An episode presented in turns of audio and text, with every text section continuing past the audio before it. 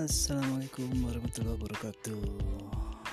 Ketemu lagi sama podcast Saya. Sekarang bahasnya tentang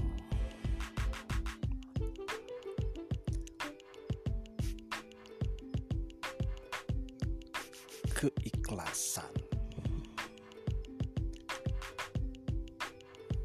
Keikhlasan itu kalau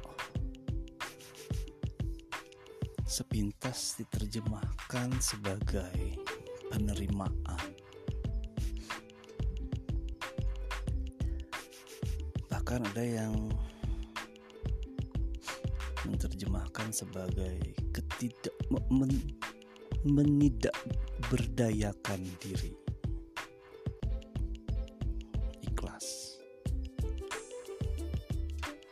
secara konsep bukan begitu.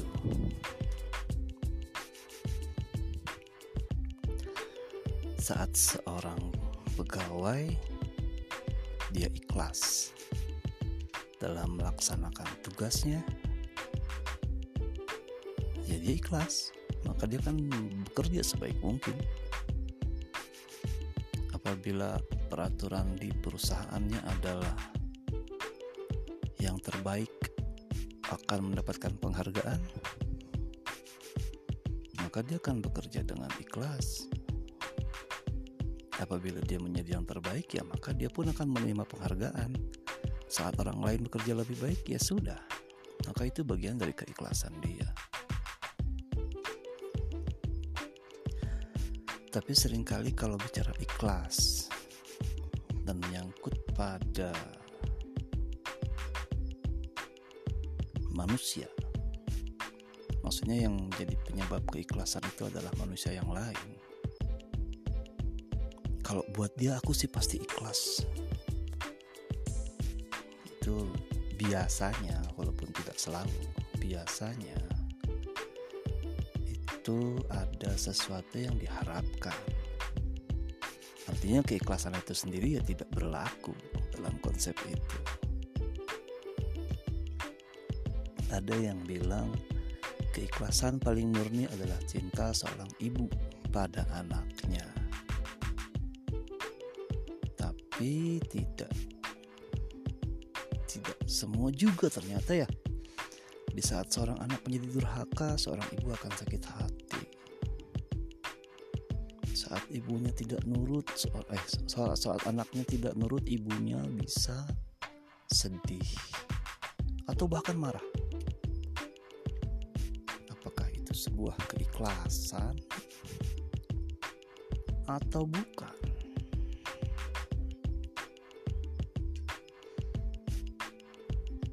Kalau kita bicara tentang ikhlas yang seperti itu ya masih terpaut pada kepentingan. Sedangkan ikhlas yang sebenar-benarnya tidak terpaut pada kepentingan.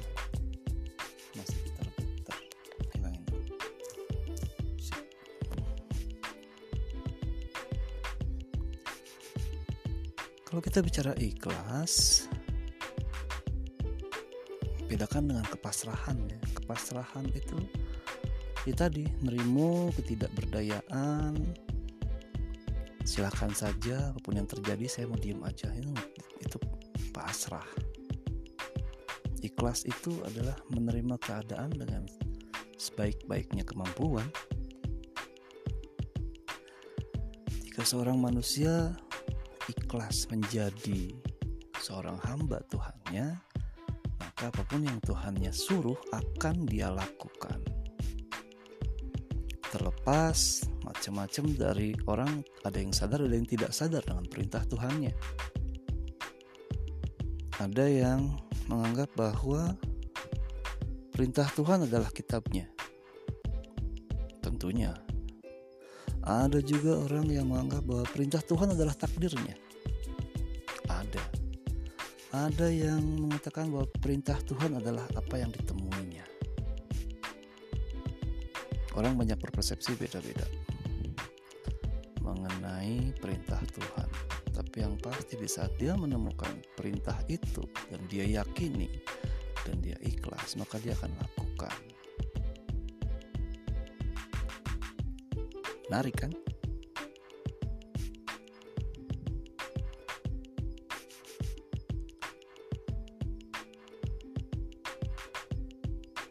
Jika kita mau untuk bersadar diri, ikhlas terhadap Tuhan, kan yang bikin kita Tuhan. Terus kalau kita mau nggak ikhlas, mau apa?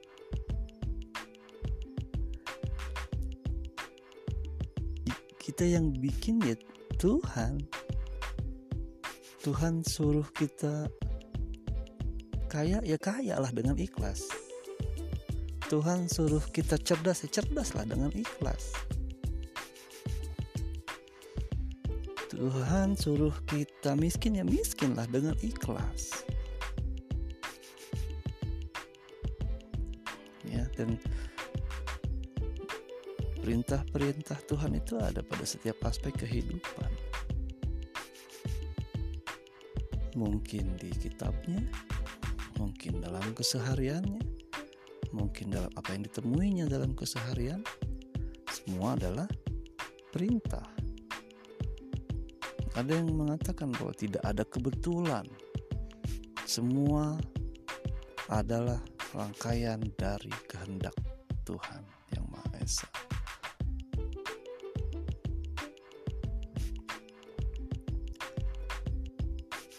Semuanya tidak ada yang di luar kendali Tuhan.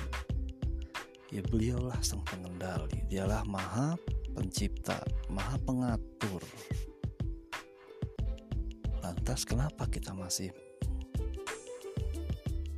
tidak melaksanakan perintahnya? Lantas kenapa kita masih berpikir bahwa kita punya kuasa penuh? Katanya ada Tuhan tidak akan mengubah suatu kaum sampai kaum itu sendiri yang mengubahnya. Ya sudah, lakukan itu sebagai perintah. Artinya, ubahlah diri sendiri atau kaum sendiri. Setelah itu serahkan pada Tuhan, kan jelas perintahnya. Ikhlaslah dalam berubah. Artinya yang kita lakukan adalah menjalankan perintahnya saat kita ingin menjadi lebih baik. Lakukan ikhtiar untuk menjadi lebih baik. Lakukan dengan ikhlas. Tujuannya adalah supaya Tuhan merubah kita menjadi lebih baik. Kalau kita mengejar suatu hal agar lebih baik, kemudian tidak lebih baik, lalu kita marah, atau sedih atau bahkan menyalahkan Tuhan. Tuhan, kenapa nasibku seperti ini? Bukankah itu sebuah ketidakikhlasan terhadap jalan Tuhan?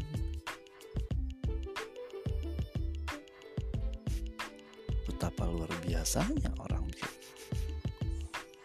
yang sudah diciptakan tapi berperilaku seperti itu.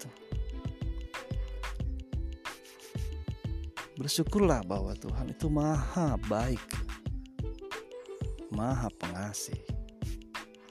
Seandainya saja Tuhan itu punya satu sifat yang tidak baik, mungkin manusia-manusia yang tidak ikhlas itu akan dimusnahkan. Atau mungkin langsung dibalas.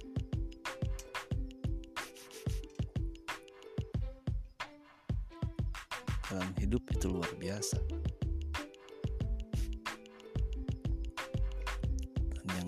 Biasanya adalah Tuhan menitipkan di tubuh-tubuh manusia adalah pengganggu-pengganggu menjadi hawa nafsu.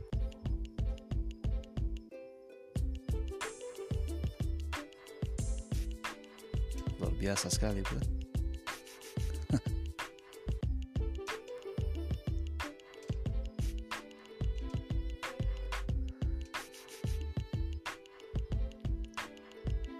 Renungkan kembali dan jadilah orang-orang yang ikhlas.